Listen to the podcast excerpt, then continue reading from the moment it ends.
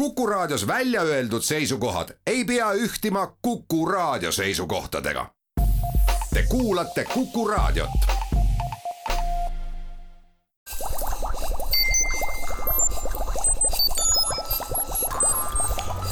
kukkuv õun head Kuku kuulajad, Kuku Õun eetris ja täna me jätkame riigi teaduspreemia saajate küsitlemist ja nendega rääkimist. täna on meil külas loomaökoloogia kaasprofessor Tartu Ülikoolist Tuul Sepp. tere, Tuul! tere, Marek! mul on üks küsimus, et äh, sinu valdav teema ei ole ju muu kui loomade evolutsioon, eluslooduse evolutsioon ja loomaökoloogia. samas kui lugeda su kirjutisi, mis avalikult lugeda on ja näha on, siis need puudutavad oluliselt laiemaid teemasid. kuidas teadusega selles aspektis on, et kui hakata tegelema elusloodusega ja näiteks evolutsiooni küsimustega, kas saab üldse nii olla, et keskenduda vaid ühele asjaolule, jätta muu kõrvale või see haarab endaga kaasa paratamatult ja ütleme niimoodi, evolutsiooni ühest või teisest aspektist kirjutades ei ole ju võimalik vältida mingeid muid asju või ikka on no see on selline asi jah, et mis natukene võib-olla on maitseasi, et mulle on endale ka mõnikord teadusajakirjades artikleid avaldades ette heidetud, et ma nagu proovin oma teadustulemused mõnikord tõlgendada liiga suurde pilti, näha korraga liiga palju seoseid ja, ja teadus, teaduskirjanduses see võib mõnikord minna sellise spekuleerimise tee peale. Aga teisalt mul on tunne, et kui me jääme ikkagi ainult oma väga pisikese nurga juurde selles kogu selles suures teadusmaailmas, siis siis me võib-olla kunagi ei õpi seda suurt pilti nägema, et me peame ikkagi katsetama, me peame proovima panna oma pisikesi tulemusi sinna suurde puslesse ja, ja siis vahepeal astuma sammu tagasi ja vaatama, et mis sellest suurest pildist nüüd paistma hakkas. teadusartiklitega on üldse niimoodi, et väga paljudel puhkudel noh, ongi suur hulk faktoloogiat ja nende analüüsi. teistpidi me ju kurdame pidevalt seda, et äh, seesama su mainitud suure pildi puudumine mängib meile päris kurjasti kätte just nimelt selles osas, kui inimesed paljudest asjadest aru ei saa. No, ei saa nad aru sellest, kuidas inimene võib olla põhjustanud ja ilmselt ongi põhjustanud muutusi kliimas, ei saa nad aru sellest, kuidas inimene on põhjustanud muutusi liigirikkuses kas see tuleb sellest, et need teadustekstid, mida avaldatakse, on väga-väga kitsad ja väga-väga sügavad? see võib vabalt olla, kui me mõtleme sellele, millised olid näiteks üheksateistkümnenda sajandi teadlased, siis enamasti kasvõi Karl Ernst von Baer oli korraga bioloog ja geoloog ja maadeavastaja, samamoodi äh, Charles Darwin, et äh, tol ajal olidki sellised suure pildi teadlased, kes suuri asju avastasid ja suuri asju leidsid. aga tänapäeval on, on kõik teadlased väga äh, kitsalt spetsialiseeritud ja mul on isegi tunne, et, et nagu võib-olla kuidagi administratiivse mugavuse pärast tõmmata, pannakse teadlased mingitesse kastidesse ja tõmmatakse piire, et siin on meil nüüd valged bioloogid ja siin on meil nüüd rohelised bioloogid. Ja siis kuidagi ongi need inimesed niimoodi ära lahutatud, mis tegelikult takistab ju sellist äh, isegi nagu bioloogiasiseselt valdkondade vahelist koostööd, rääkimata nüüd siis sellest, et bioloogid võiksid ka igapäevaselt geoloogidega koostööd teha või miks mitte ka sotsiaalteadlastega, kui me tahaksime paremini mõista seda, et kuidas neid teadustulemusi ikkagi avalikkuse ette viia, et äh, ma arvan, et, et selle suure pildi poole tagasiminemisest palju kahju ei tule, pigem võiks, võiks kasu tulla. Ma meenutan oma õpingute aega, kui äh, Tartu Ülikoolis keemiat õppides oli selline nii-öelda keemilise sünteesi tegemise viis, kus tuli lugeda tõepoolest üheksateistkümnenda sajandi nii-öelda teadusartikleid selle kohta, kuidas ühte, teist või kolmandat ainet tehti ja seda siis järgi teha, need olid saksakeelsed ajakirjad ja see kirjeldus oli tõepoolest nii-öelda peale selle, et sa said aru, mida teha, oli autor seal kirjeldanud ka seda teed, kuidas ta hommikul tööle läks ja laborisse kõndis ja mis seal kõik ümber oli. ehk et see, ma ei ütle, et nüüd peaks sama asja tegema, aga see oli hoopis teine, teine tunne, mis tekkis teadusartikli lugemisel. ja seda äh, mulle hiljuti rääkis ka Tartu Ülikooli äh, looduskaitsebioloogia professor Asko Lõhmus, et tema loeb äh, teadlikult üle just neid kahekümne sajandi alguse teadustöid, et, et nähagi, et kuidas siis nähti teaduse tegemist. Ja see kõik oli, oli tõesti võib-olla jutustavam, võib-olla oli see siis ka seotud rohkem suure pildi nägemisega, katseid tehti tihtipeale oma koduaias. Kasvõi näiteks kui mõelda Darwini peale, siis tema, eks ole,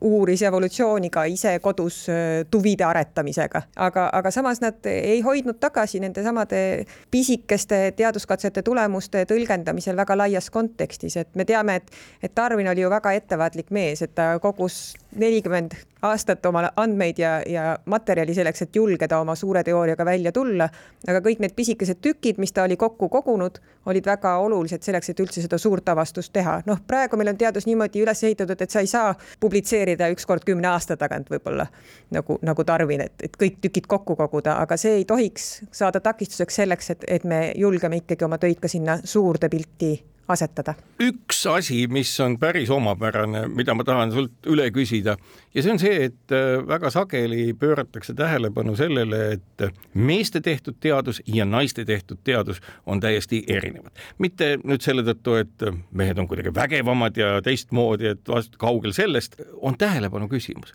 millele mehed ja millele naised tähelepanu pööravad ja vastupidi, tänaseks on enam-vähem selgeks saanud, et naiste eriskummaliselt hea tähelepanuvõime võimaldab oludes, kus meesuurijad teevad nii-öelda rutiinseid töid, tähele panna hoopis peenikesemaid nüansse ja seda mitte ainult bioloogias, vaid ka füüsikas, keemias ja paljudes valdkondades, kus, kus tähelepanu selline avarus ja üldisema asja jälgimise võime on väga olulised. kas sa oled midagi samasugust tähele pannud, et sinu tehtud teadus ja ütleme siis klassikalises mõttes sellise, sellise ratsionaalse mehe tehtud teadus, mitte et naine oleks ebaratsionaalne, aga ta on tähelepanuvõimelised, erinevad. ausalt öeldes ei ole tähele pannud, ma ise väga-väga nagu ei märka, et meil oleks äh, mingi erinevus naiste ja meeste teaduses, aga kui ma mõtlen oma töörühma peale, siis meil on äh, küll niimoodi tööd ära jaotatud, et et äh, mul on väga geniaalne kolleeg, kes teeb mul statistilisi analüüse äh, ja siis mul on teine väga geniaalne kolleeg, kes on äh, väga hea välitööde planeerija ja läbiviija ja tunneb ka väga hästi siis just sellist kitsamat keskkonnamürkide valdkonda. ja minu rolliks ongi siis, ongi siis näha seda suurt pilti ja kõik need otsad kuidagi kokku tuua, kirjutada väga sellised haaravad hästi loetavad teadusartiklid ja granditaotlused ja meid kõiki selle kaudu üleval pidada. üks päris naljakas tagasiside tuli ühelt äh, hiljutiselt äh, teadusartikli retsensendilt, et noh, nagu te teate, siis teadusartikleid niisama ei avaldata, sa pead saatma ta kõigepealt toimetusse, siis see saadetakse välja kahele või kolmele eriala spetsialistist retsensendile ja siis nad kirjutavad sinu artikli käsikirja kohta igasuguseid ilusaid ja inetuid asju. Ja siis üks retsensent kirjutas minu käsikirja kohta sellise lause, et see, et sa nii hästi kirjutad, ei vabanda seda, et su artikkel on pikk ja punnitatud et esimest korda ma kuulen, et tehakse, on niisugune tagurpidi kompliment, et sa kirjutad väga hästi, aga see ei vabanda seda, et sa nii kehva, kehva juttu kirjutad. huvitav, kas see oli Briti retsensent, millist nagu tooni võib sealtpoolt aimata või sa ei tea, kes see oli? Vot jah, need, need retsensendid on anonüümsed, et siis nad võivad julgelt oma inetusi ütelda, aga, aga jah, see on selles mõttes huvitav, et, et kunagi näiteks see, mõnikord need retsensendid võivad öelda, et keel on halb, aga ütleme, et artikli on kirjutanud minu inglasest doktorant, mis tähendab, et see keel ei saa halb olla ja seda võib-olla retsenseeris mõni, ma ei tea, rumeenlane, kellele tundus, et see keel on millegipärast halb, et see on üks täiesti oma, omaette maailm, see teadusartiklite retsenseerimine. maailm on jõudnud sinnamaani, et me tõdeme sedasama nii-öelda liiga kitsaks minekut praktiliselt kõikides valdkondades, mitte ainult see, et ühes või teises teadusvaldkonnas on nagu teineteisega mitte kokku puutuvaid alasid ja teemasid, vaid laiemalt ka. ehk et paljudel puhkudel no insenerid ei pruugi aru saada majandusest ja nii edasi ja nii edasi ja me oleme nagu mõnes mõttes ka ühiskondadena, mitte ainult siin Eestis, vaid globaalseltki hädas, et teineteisest ei saada aru, ei saada aru, mis üks või teine asi võib majanduses, keskkonnas ja mujal tähendada. selles kontekstis oleks ju vaja suisa objektiivselt, et inimeste vaade ja teadmised oleksid laiemad ja et nad ei ütleks näiteks puhkudel, kui kerkib mingi küsimus, mis on veidike kõrvalvaldkonnas, et vabandage, see ei ole minu ala. kui sageli sina ütled, et vabandage, see ei ole minu ala? On ikka ette tulnud, see on peamiselt, ma ütlen seda siis, kui ma tean väga hästi, et, et kuskil sealsamas lähedal on võtta minust parem ekspert, et näiteks kui mult küsitakse nõu mingisugused mahepõllumajandusega seotud küsimustes või, või siis metsandusega seotud küsimustes, et isegi meie enda majas seal Toomel ökoloogikumis on, on minust paremad eksperdid nendele küsimustele vastama. aga kui ikkagi tahetakse minu arvamust teada sellest hoolimata, siis, siis ma selle ikkagi ka välja ütlen aga tõsi ta on see, et see kõige laiem pilt praegu on ju, öeldakse, et on, on äh, keskkooli lõpetajal, et tema on saanud korraga siis üsna süvatasemel igasuguseid ühiskonnateadusi ja loodusteadusi, aga ma ei tea, kuidas seda hoida, sellepärast et minu meelest kõige olulisem asi, mida inimene võiks mõista, on, on seesama, eks ole, antiikfilosoofiline, ma tean, et ma midagi ei tea, et tunnis, et aru saada seda, kui vähe sa mingist valdkonnast tead, sellepärast et siis siis on sul olemas järsku vabadus küsida ekspertidelt nõu, otsida kas in,, kas internetist või siis teadusajakirjandusest oleks veel parem äh, infot juurde, sest kui sa ei kui sa ei saa aru, et sa midagi ei tea, siis see on see kõige ohtlikum olukord, eriti kui, kui selles olukorras on keegi, kes on otsustaja positsioonil. siinkohal teeme aga saatesse väikese pausi ja kuulake meid pärast vaheaega edasi. kukkuv head kuulajad, Kuku Õun jätkub külas Tartu Ülikooli loomaökoloogia kaasprofessor Tuul Sepp, mina saatejuht Marek Strandberg ja jäime eelmises osas äh, küsimise ja küsimise oskuse juurde. eelmise aasta detsembrist on inimkonnal toimunud tõsine muutus, nimelt on valmis ehitatud masin, mis on läbi lugenud kogu interneti, kutsutakse kõnerobotiks või tehisintellektiks või milleks iganes ja sellelt saab esitada, sellele saab esitada praktiliselt kõikvõimalikke küsimusi. ja mida ka inimesed teevad. nüüd vastused on sageli sujuvad, ladusad ja tõepärasena välja nägevad aga lähemal vaatamisel väga paljudel juhtudel sisaldavad täielikku sousti. nüüd oled sa ise ka katsetanud näiteks selle chat GPT äh, oskusi erinevates evolutsiooni või ökoloogia või niisugustes küsimustes, et kui, kui adekvaatne ta on ja et kui palju võiks aega minna, et selline kõnerobot muutub meie loomulikuks kaaslaseks ja avab meie silmi asjades, kus me tõepoolest ei jõua nii palju guugeldada, ei jõua nii palju keskenduda ja me peame usaldama kedagi või midagi, eh, millelt küsida. ma ise ei ole katsetanud, aga ma olen eh, kolleegide muljeid kuulnud ja kõigepealt oli selline mure ja paanika, et nüüd ei saa enam lasta tudengitel teaduses seesid kirjutada, sellepärast et üks professor katsetas ja, ja sealt robotist tulid täiesti viisakad äh, evolutsiooni, bioloogia, käitumisökoloogia esseed välja. Äh, nüüd just eelmisel nädalal äh, vist Jaak Vilo avaldas, informaatikateadlane avaldas artikli, mis, kus öeldi, et tegelikult saab seda tudengit, kes niimoodi petab, vahele võtta sellega, et paluda siis sellesse teksti sisse põimida teadusartiklite viited. sellega sellega, sellega praegu. sellega masin toime ei tule ja, ja. just,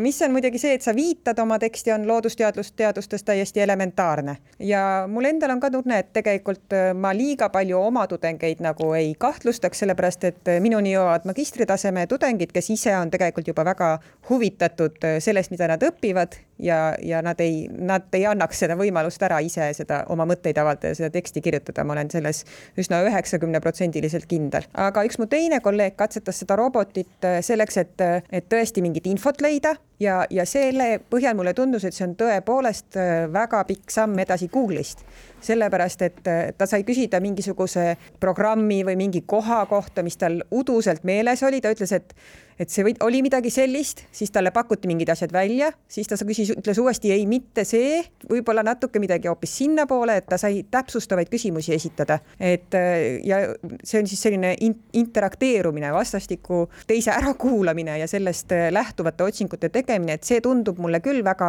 põnev ja uus ja, ja tõesti, kui nüüd mõtelda neid Google'i otsinguid, siis on see, on need väga naiivsed võrreldes sellise otsingusüsteemiga, mis tõesti kuulab sind ka, kui sa ütled, et ei, see ikka päris see ei ole. Mina igal juhul nii-öelda olen siin kogenud seda, et täiesti julgelt võib soovitada üliõpilastele seda kasutada, sellepärast et oht sattuda täieliku jama otsa on väga suur. nimelt küsisin ma sellelt ähm, kõnerobotilt äh, lihtsa küsimuse. milline on Juhan Auli panus teadusse? ja sain teada, et Juhan Aul, kes teadupoolest oli siis äh, antropoloog või eugeenik mõnes mõttes ja pigem bioloog, on tuntud Eesti Nõukogude Sotsialistliku Vabariigi keemik, kes olla tegelenud ei tea mis asjadega ja osundades selle peale, et see on ikka täielik jama, tõdes ka kõnerobot seda, et see võib olla tõesti täielik jama. ehk et see asi, mida üliõpilased igal juhul kõnerobotit kasutades õppida saavad, olgu nad magistri või doktoriõppes, on see, et fakte tuleb kontrollida ja see nii-öelda pinge tänasel hetkel, mis mul on, kui ma vaatan kõneroboti tekitatud teksti, siis pigem on tekkinud olukord, kus jaa, ta on väga kiire otsija, aga sellesse tuleb suhtuda ülima ettevaatlikkusega. Ja kokkuvõttes võib see tõesti, ma olen täiesti nõus, olla vahend, millega on võimalik äh, teha paremat teadust ja paremini õpetada, paremini õppida, et äh, tuleb lihtsalt mõelda välja uued õppemeetod, meetodid, mis seda uut vahendit siis äh, kasutavad ja rakendavad ja mitte liiga palju karta siis seda, et nüüd on, tuleb keegi ja võtab meie, meie töö ära, et selliseid asju on ennegi juhtunud tehnoloogiliste uuendustega, et nende, nende rakendamine on, annab alati palju rohkem kui nende siis mutta tampimine, eitamine, lammutamine. samas küsisin ma ka enne meie saadet äh, sellise asja kohta, nagu on siin levima hakanud arusaam, et evolutsioonil võib olla palju üldisem käsitlus, nimelt kolmanda tee kohta evolutsioonis, mida ka mõned Tartu Ülikooli õpetlased, Kalevi Kull ja muud sellised äh, toetavad, et evolutsioon saab alguse ja seda võiks olla võimalik ka jälgida ähm, hetkest, kui rakufunktsioonid muutuvad. Ja selle kohta kirjutas kõnerobot täiesti veenva jutu, mis äh, oli veidike tasakaalustatud, veidike skeptiline, aga päris huvitavalt loetav. kuidas sina suhtud sellesse, et evolutsioonil on palju üldisem printsiip kui see, mida Darwin välja näidanud on? seda on, äh, selle kohta ma olen lugenud ja erinevaid raamatuid, kus evolutsioonilist mõtlemist on tõesti rakendatud majandusteadustes erinevate teooriate omavahel konkureerima panemiseks või siis äh, isegi üks raamat, mis ma lugesin, oli asjade ja ideede evolutsioon, mis näitab, et ideed kogu aeg omavahel konkureerivad, osa ideesid sureb välja, teised jäävad siis sellises nii-öelda loomulikus valikus peale, arenevad edasi. selle raamatu järgi isegi patendid on selles mõttes täiesti ebaõiglased asjad, sellepärast et kõik leiutised põhinevad kogu sellel evolutsioonilisel taustal, mille pealt nad äh, välja kasvanud ja arenenud on ja see, kes siis selle patendi või leiutamise au endale saab, äh, on lihtsalt inimene, kes satub äh, olema õigel hetkel õiges kohas, kui see asjade evolutsioon on sinnamaale jõudnud, et, et see on valmis selleks tooteks või ideeks. et mulle endale väga meeldib selline evolutsioonilise mõtlemise rakendamine laiemas äh, kontekstis, et ma arvan, et sellest äh, midagi halba ei tule ja kui me, kui me oskame seda teadlikult ja, ja, ja mitte võib-olla ebaeetiliselt kasutada, siis, äh, siis miks mitte. mõnes mõttes on ju seesama tehnoloogiline evolutsioon meie ette viimase kolmekümne, neljakümne aasta jooksul ju laotanud kõik, sealhulgas ka eelmise aasta detsembris ühtäkki väga paljudele keeletehnoloogia inimestele ja tehisintellekti inimestele tõepoolest üllatusena laua peale präntsatanud kõneroboti, et selles mõttes on see päris huvitav, et tehnoloogilist evolutsiooni, kuidas üldse käsitleda näiteks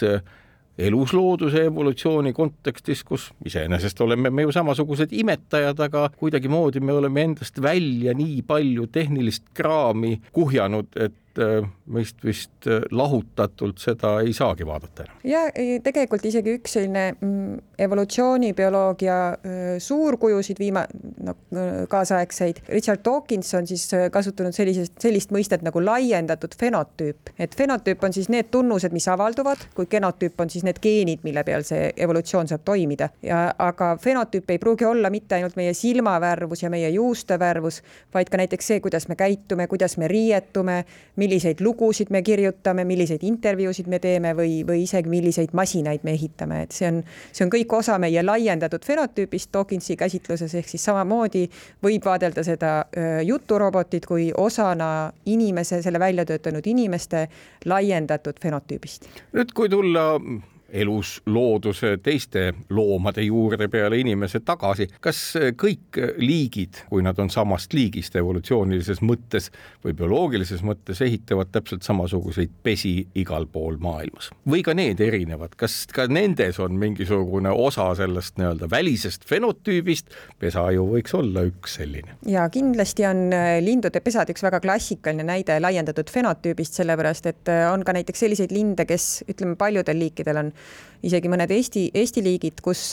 isalind jõuab rändelt tagasi enne emalindu ja hakkab siis äh, juba pesa ehitama, pesa ette valmistama. ja see, kui ilusa pesa ta teeb, peaks siis näitama seda, et mil, kui head geenid tal on, sellepärast et kes jõuab varem tagasi, peab külmale ilmale paremini vastu, tal on parem tervis, paremad immuunsüsteemiga seotud geenid, sellel on rohkem aega kes on äh, vaimselt võimekam, see oskab teha ilusama, tugevama, tervema pesa, kes on tugevam, ise äh, rohkem jõudu, rohkem energiat, see suudab endale välja võidelda konkurentide käest kõige parema pesakoha, nii et sellist laiendatud fenotüüpi on, on väga palju, et sa vaatad seda linnupesa emalinnuna, mis isalind valmis on ehitanud ja sa saad selle kaudu infot selle isalinnu geenide kohta ja sina kui evolutsiooni uurija, vaadates pesa, saad teada, kui terve või haige on siis isalind või? ja kindlasti, et äh, kasvõi näiteks, kui me sealsamas Matsalus äh, oma kalakajakaid uurime, siis me näeme, et osa linde teeb oma pesa kuskile veepiirile ja me kohe teame, et see nüüd on kas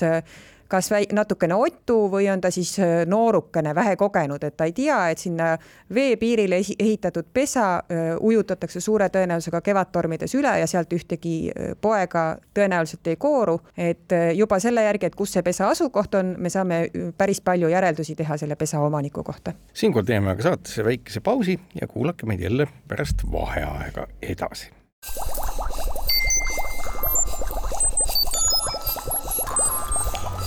Kukkuv õun. head kuulajad, Kukkuv Õun eetris külas Tartu Ülikooli loomaökoloogia kaasprofessor ja riikliku teaduspreemia saaja Tuul Sepp, mina, saatejuht Marek Strandberg. küsin siit edasi, mäletan ühte ammust aastaid tagasi kuulatud konverentsi, mis puudutas seda, milline on lindude tervis ja sealt jäi mul kõrvu, kui ma nüüd valesti ei mäleta, igal juhul see, et mida kaunim sulestik, seda kehvem tervis. kas see nii-öelda väide peab paika igal pool? tegelikult äh, ma arvan, et äh, reeglina peaks see asi olema vastupidi, et ilus sulestik reklaamib seda, et tervis on hea ja kuidas see mehhanismide baasil äh, peaks käima, on niimoodi, et ilusad suled saavad kasvatada endale need linnud, kellel on ressursse üle kes ei pea neid ressursse kulutama haiguste vastu võitlemisele aga nüüd on üks huvitav asi, mis on kaasnenud sellega, et äh, päris palju lindusid on nüüd kolinud elama linna, kas siis sellepärast, et maal elupaiku ei ole või siis neile linnas on mingisugused olemas mingid meelitavad ressursid. Ja huvitaval kombel on linnalindude sulestikus toimunud siis nihe selle poole, et nad on äh, vähem erksad, ehk siis noh, võime ka sama hästi öelda, koledamad. E, näiteks nad on äh, vähem punased või vähem kitsama siis sellise rinnatriibuga näiteks tihaste puhul, et miks see nii toimub, toimub, täpselt ei tea, kas sellepärast, et, et see on põimib segi sellised mõisted nagu suguline valik ja looduslik valik. reeglina peaks ikkagi olema niimoodi, et kõige paremini jäävad ellu kõige tugevamad linnud ja nende kõige tugevamate lindude sulestik on kõige erksam. aga võimalik on, et siis selles linnatingimustes näiteks ei ole seda kiskjat, kes selle tuhmi äh, nõrgalinnu nahka paneks või siis on piisavalt äh, sööki leida, toiduressursse näiteks toidetakse linde aedades, et need nõrgemad ja koledamad jäävad ka linnas paremini ellu. aga teine võimalus on lihtsalt see, et linnas kuidagi on siis eemaste eelistus muutunud mingisuguste keskkonnatingimuste, keskkonnasignaalide tõttu ja, ja seetõttu siis nendel kehvematel, tuhmimatel isastel läheb ka paremini. kui palju üldse inimese tekitatud tehiskeskkond nihestab loomade käitumist, tervist ja mida muud, noh, me teame ju inimesegi puhul, et küll linnamüra, küll siinne tolm ja peenosakesed mõjutavad inimese elu ja tervist väga oluliselt ja märkimisväärselt. kas sama toimub ka linnas elavate lindude, loomade ja kõigi elukatega, keda me siin näeme? Toimub kahtlemata, et see keskkond ju mõjutab neid loomi ka ja, ja üks raamat, mille ma hiljuti rahvusvaheliste kolleegidega koos äh, kirjutasin, uuriski seda, et kuidas siis linn mõjutab loomade evolutsiooni ja ehk siis kuidas linn suunab siis äh, sinnapoole, et võib-olla meil kunagi kujunevad välja uued alamliigid või isegi uued liigid. ja tegelikult ongi välja toodud, et, et linnas on juba, linnatingimuste tõttu on juba mõned liigid tekkinud, näiteks äh, Londonis metroos on välja kujunenud üks täiesti uus äh, sääseliik, kes maa peal, keda maa peal ei ela, ta elabki ainult seal metroos. et ja samamoodi me ju teame, et, et inimesega koos on mõned liigid evolutsioneerunud, kasvõi näiteks inimese mingisugused parasiidid, täid, näiteks riidetäi puhul on väga hästi teada, saab evolutsioonis tagasi vaadata, et millal, millal inimesed riideid kandma hakkasid, et siis läksid äh, riidetäi ja peatäi äh, evolutsioon äh, hargnes tekkis uus liik, kes elas inimese riietes. aga see, et linn muudab inimest, loomade käitumist, et selle kohta on tõesti väga palju uuringuid ja lindude puhul ka. Linnas jäävad, saavad paremini hakkama need linnud, kes on julgemad, vähem ehmatavad rohkem riskeerivad, et kasvõi Tartu Ülikooli äh, teadlased on teinud äh, uuringuid selle kohta, et kui, kui, kui lähedale saab linnule minna, et ta lendu tõuseks ja, ja linnalindudel on see tolerantsus oluliselt, oluliselt suurem ja muidugi on nad ka harjunud selle linnas loodud keskkonnaga, sellega paremini toime tulema, et näiteks ka üks uuring kiilidel näitas seda, et et linnakiilid on tunduvalt paremad manööverdajad, sellepärast et linnades on, on lihtsalt nii palju rohkem igasuguseid takistusi, millest tuleb mööda osata põigelda.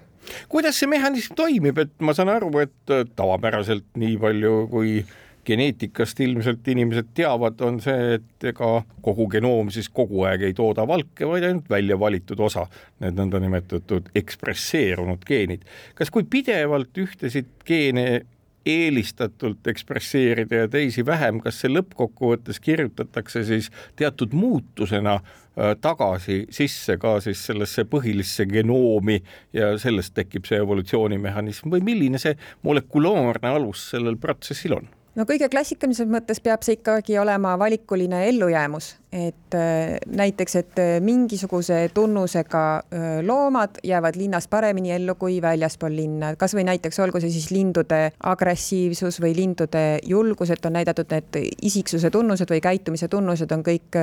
geenide põhised ja, ja huvitav on see, et ei pruugigi niimoodi olla, et, et üks käitumistunnus, see tundub midagi väga suurt ja keerulist, et seda mõjutavad tohutu paljud erinevad geenid. on näiteks näidatud, et päris päris äh, mitmed käitumistunnused võivad olla seotud ainult ühe ainsa polümorfismiga või siis sellise ühe nukleotiidi asendusega mingisuguses geenis. Klassikaline näide on dopamiini retseptori geen, et seal on mingisugune äh, muutus, mingi klõks, teine, teine nukleotiid selles positsioonis, mis, mis siis teisel linnul ja selle tõttu on juba hoopis teine iseloom või isiksus. et äh, see võib olla lihtsam, kui, kui oskakski arvata aga teiselt poolt see võib ka olla keerulisem, kui oskaks arvata, sellepärast et me alles nüüd hakkame päriselt mõistma, et mis, et meil on olemas ka siis see nii-öelda mitte DNA põhine pärilikkus, mis siis põhineb näiteks DNA metüleerimisel ehk siis DNA-d vastavalt sellele, missuguse keskkonda see loom sünnib või koorub, sinna pannakse mingisugune teine molekul peale, mis mõjutab siis seda, et kuidas see geen avalduma hakkab või millist valku ta tootma hakkab. kogu see epigeneetika teema on, on äh, midagi sellist, mida ilmselt Darwin ette näha ei osanud ja, ja mille kohta võib-olla lõpuks tuleb välja, et, et äh, lamarkistidel, kes arvasid, et kaelkirjaku kael kasvas pikaks, sellepärast et ta elu jooksul palju kaela sirutas, äh, on mingil, mingil, mingil määral, määral tõene. siiski õigus ehk et nagu loodusel on olemas mehhanism, millega meelde jätta need muutused just nimelt konkreetses genoomis, mis tagavad ellujäämise paremini ja see toimub organismi enda eluaja jooksul. ja, ja mulle tundub, et eriti oluline ongi siin just see koorumise hetk, kus kohas neid kõige rohkem on siis seda paindlikkust veel selle looma arenguteekondades või ale, tuleviku määramisel, et, et see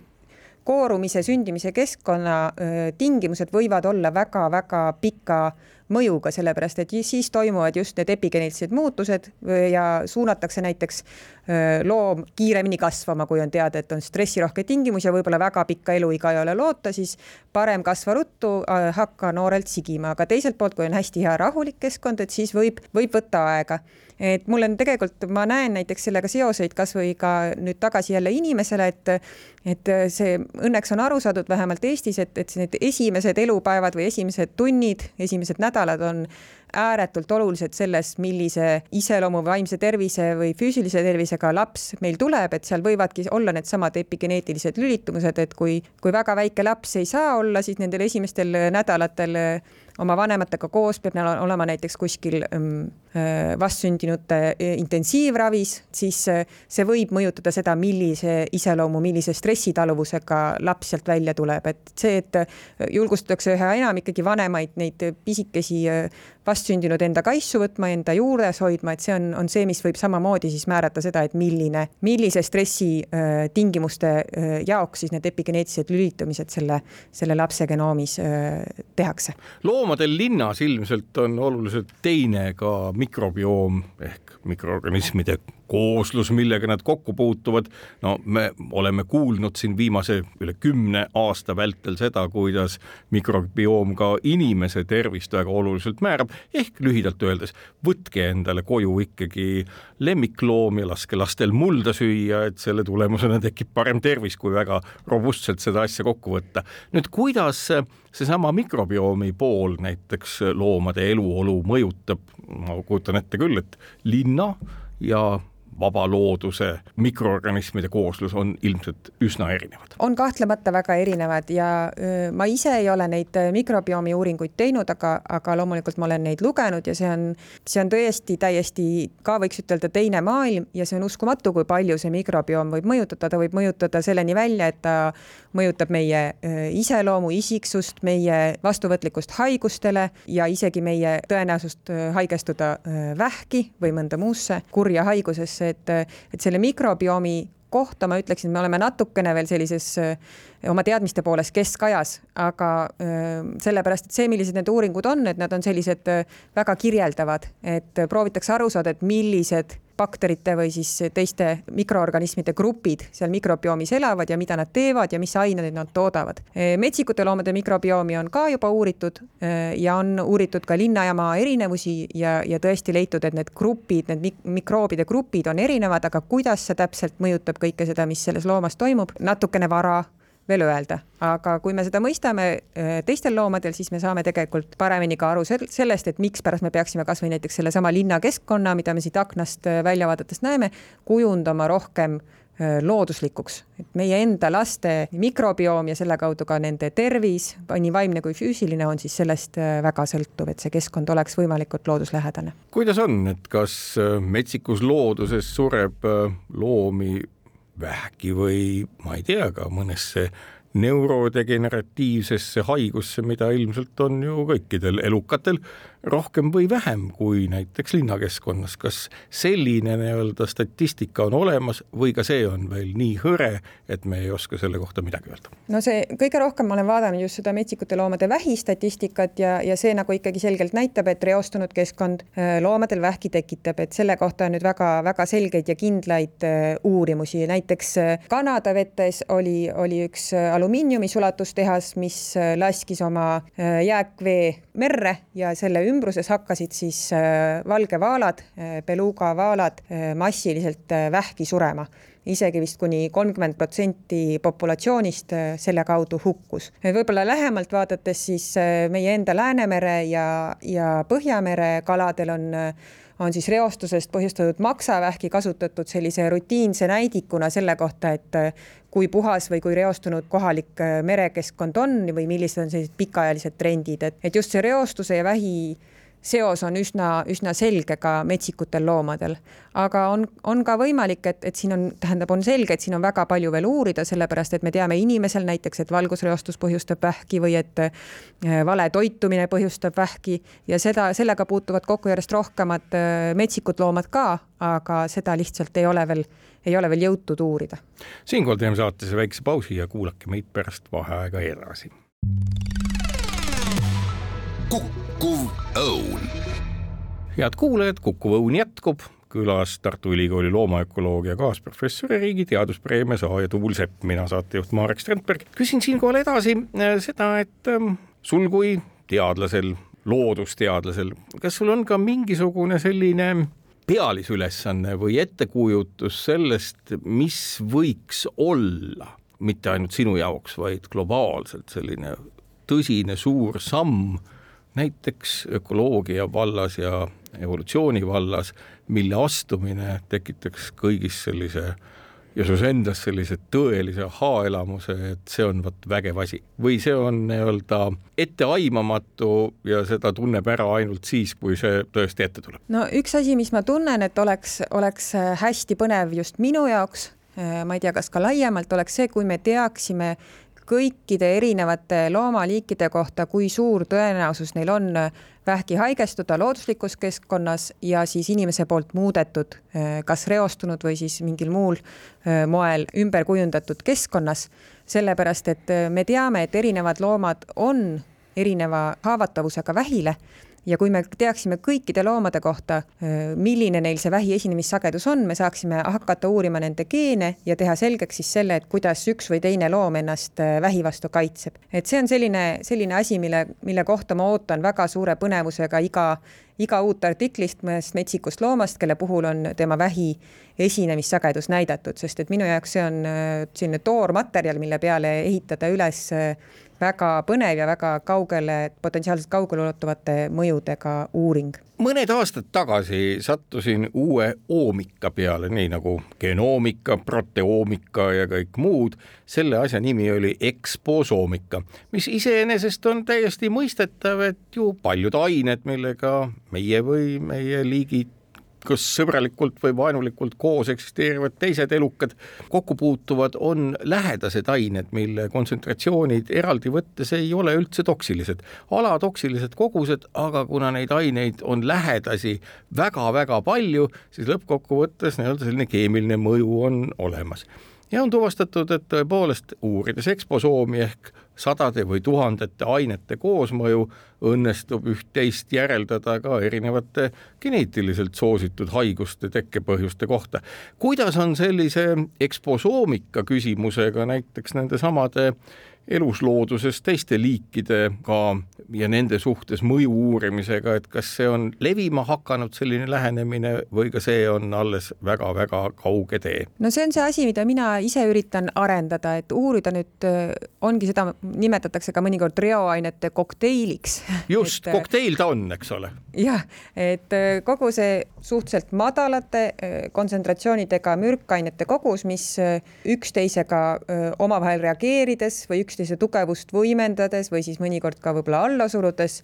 meid mõjutavad, et see, kuidas laborikatseid tehakse loomadega, tihtipeale lihtsalt süstitakse neile ühte konkreetset ainet. Ja siis selle põhjal tehakse näiteks järeldus, et ei mõjuta negatiivselt, aga me ei tea, mis toimub looduses. Ja sellepärast ma olengi ise oma katsed püüdnud teha just eelistatuna looduslikus keskkonnas, kasutades näiteks sellist keskkonda, kus me teame, et on tugev reostuskoormus ilma täpsustamata, et milline see üks konkreetne reoaine on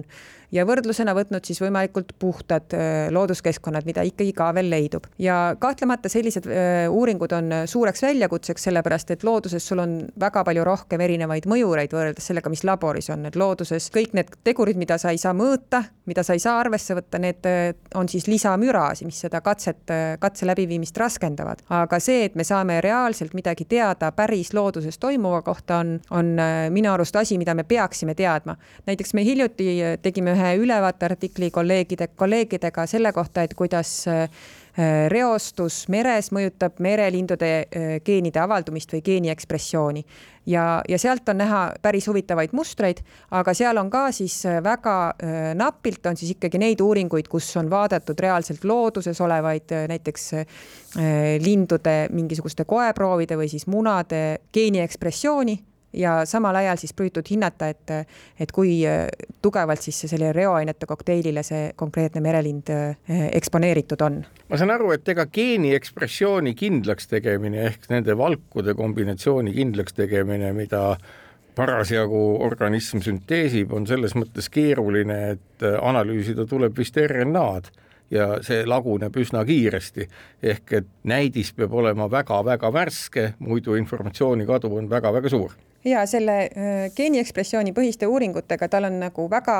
positiivseid külgi, aga on ka negatiivseid külgi. üks, üks külg on tõesti, et need uuringud, need proovid peavad olema väga hästi hoitud ja teine küsimus on see, et, et kui me näeme näiteks äh, selle RNA põhjal, et mingi geen on hästi tugevasti eks, ekspresseeritud või, või siis äh, jah, selle pealt toodetakse väga palju RNA-d, see tegelikult otseselt ei tähenda, et meil ka väga palju valku tuleb. ja samamoodi mingi teine geen, mis on nagu tundub, et ekspressiooni tase on küllalt madal, RNA-d toodetakse vähe, see ei tähenda, et selle pealt ei tule palju valku või et see vähene valgu kogus, mis sealt tuleb, väga tugevat mõju ei oma, et tegelikult äh, minu jaoks sellised transkriptoomi põhised uuringud peakski olema selleks, et näha hästi suurt pilti, et me näeksime mingisuguseid füsioloogilisi radasid, mis on aktiveeritud, olgu selleks siis mingisugune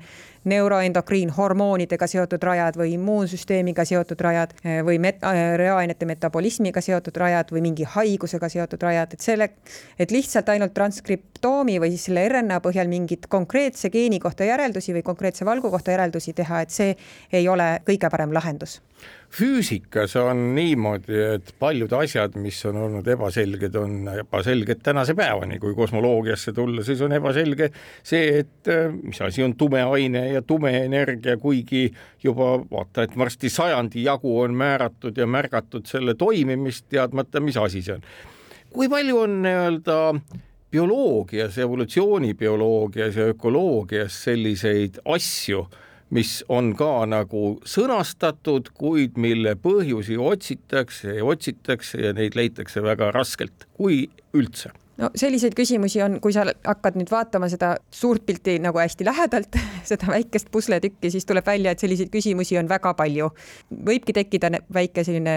ahastus või frustratsioon, kui sa saad aru, kui, kui vähe me tegelikult jälle teame, et me, kui ma tean jälle, et ma mitte midagi ei tea, et näiteks mina oma doktorantuuri ajal uurisin sellist asja nagu oksüdatiivne stress ehk siis kui organismis on vabad radikaalid, millist kahju nad organismis teevad ja kuidas organism antioksüdantidega nende vastu ennast kaitseb, et me kõik oleme ka kuulnud sellest antioksüdantidest, et porgandit on hea süüa või mustikad, et antioksüdandid. aga kui ma seda oksüdatiivse stressi temaatikat järjest rohkem sügavuti uurisin, siis tuli välja, et, et jah, päris selge ei olegi, mis see oksüdatiivne stress on, kas selline asi üldse olemas on. kui me näiteks vaatame mingisuguseid geenikategooriate põhiseid ainevahetusradasid, siis sa võidki sinna seda oksüdatiivset stressi otsima jääda, sest sellist asja lihtsalt lihtsalt ei ole olemas teine asi, millele ma hiljuti põrkusin, oli, oli see, et me teame, et reostus põhjustab loomadel vähki. aga ikkagi, kuidas, mis see reostus seal kala sees teeb, et tal vähk tekib? et üks võimalus ongi, et ta tekitab neid samu vabu radikaale, mis siis kahjustavad DNA-d ja siis selle tõttu, kuna DNA on rikkis, mõni geen, mis meil peaks toimima selleks, et vähki ei tuleks, on löödud rivist välja ja nüüd tekib vähk. aga me ei tea täpselt, seda pole kunagi, seda mehhanismi ei ole kunagi äh, välja selgitatud. nüüd hiljuti me äh, tegime ühe uuringu ja see on praegu loodetavasti varsti avaldatakse teist ringi retsenseerimisel artikkel, kus me vaatasime, et kui nüüd ongi, kala on reostusega puutub kokku, kas tal tekivad, tekivad oksüdatiivsed DNA kahjustused ehk siis DNA saab nende reaktiivsete hapnikuosakeste poolt kahjustatud ja kas see on seotud sellega, et kas kalal tuleb vähk või ei tule. ja mis meie uuringu tulemus oli see, et ei ole et DNA kahjustused ei ole seotud äh, ei reostusele, reostuse tasemega kalas ega ka selle tõenäosusega, et kas kala saab vähi või mitte. ehk siis see peab olema hoopis midagi muud, aga mis, seda me ei tea. ehk et seesama asi, mida kogevad füüsikud, et võiks olla nagu seal see tumeaine ja uurime ja ei ole täpselt samasugune üldpildi hägustumine konkreetsel vaatlusel toimub ka elusloodust uurides. jah, aga see muidugi ei tähenda, et peaks käega lööma, et see tähendab, et äh, uurime edasi ja, ja mida vähem me mõistame seda, äh, et me, et me äh, seda protsessi, seda rohkem me tegelikult selle kohta õpime, et kui me jäämegi ainult sinna pealiskaudselt vaatama ja arvama, et me saame kõigest aru, siis me kunagi ei võta ette neid vajalikke uuringuid või siis nende asjade läbimõtlemist, mis tegelikult on vaja selleks, et need mehhanismid lõpuks ometi välja selgitada aitäh, Tuul Sepp, et said tulla Kuku Õuna saatesse kõnelema elusloodusest, evolutsioonist ja kõigest muust. sellega on Kuku Õuna saade läbi, kuulake meid jälle täpselt nädala pärast ja kaunist päeva teile.